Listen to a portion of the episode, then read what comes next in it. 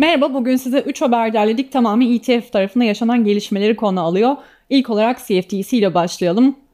ABD Emtia Vadeli İşlemler Ticaret Komisyonu CFTC Başkanı Rossi Beyman, spot Bitcoin ETF ürünlerinin yakın zamanda yani 2 hafta önce e, onaylanmış olmasının riskler getirmesinden korktuğunu söyledi ve kriptoyu düzenlemek için e, federal düzeyde bir mevduat çağrısında bulundu.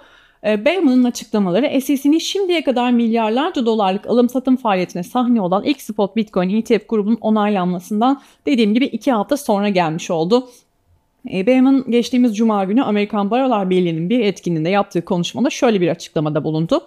Korkarım ki hem bireysel hem de kurumsal piyasa katılımcılarının Bitcoin ETF'lerin onaylanmasıyla birlikte bir ürünün teknik onayını nakit emtia dijital varlıklarının gerçek düzenleyici gözetimiyle karıştırma riskini beraberine getirmektedir.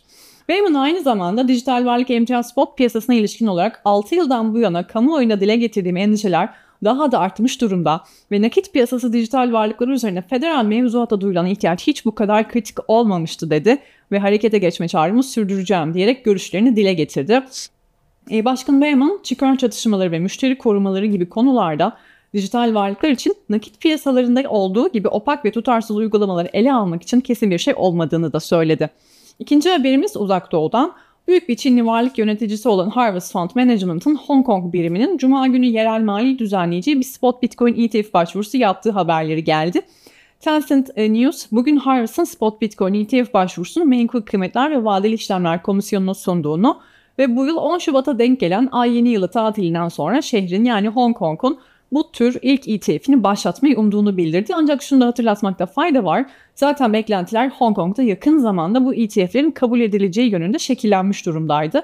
Bu arada Bloomberg'da bugün yayınlanan bir habere göre ise e, Hong Kong'un stabil kripto para kurallarının hayata geçişini hızlandırma çabalarıyla birlikte ki burada ivme oldukça artmış durumda Harvest Global Investment'a dahil olmak üzere birçok şirket stabil kripto para ile ilgili denemelere ilgi gösteriyor.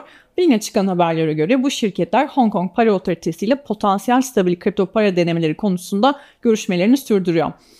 ARK Invest ile bitirelim. Cathy Wood yönetimindeki ARK Invest kendi ihraç ettiği spot Bitcoin ETF'lerinin listelenmesinin ardından bünyesindeki fonlarla değişiklik yapıyor. Bu çok normal elbette.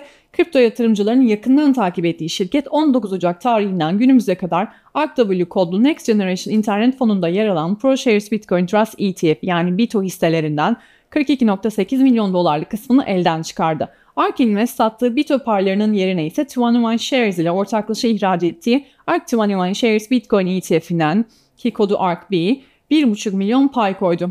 ARKW fonunun yaptığı 42.8 milyonluk satışa karşın alım yapılan listelerin maddi değeri ise 62.3 milyon dolar olarak kaydedildi. Bugünlük bu kadardı. Görüşmek üzere.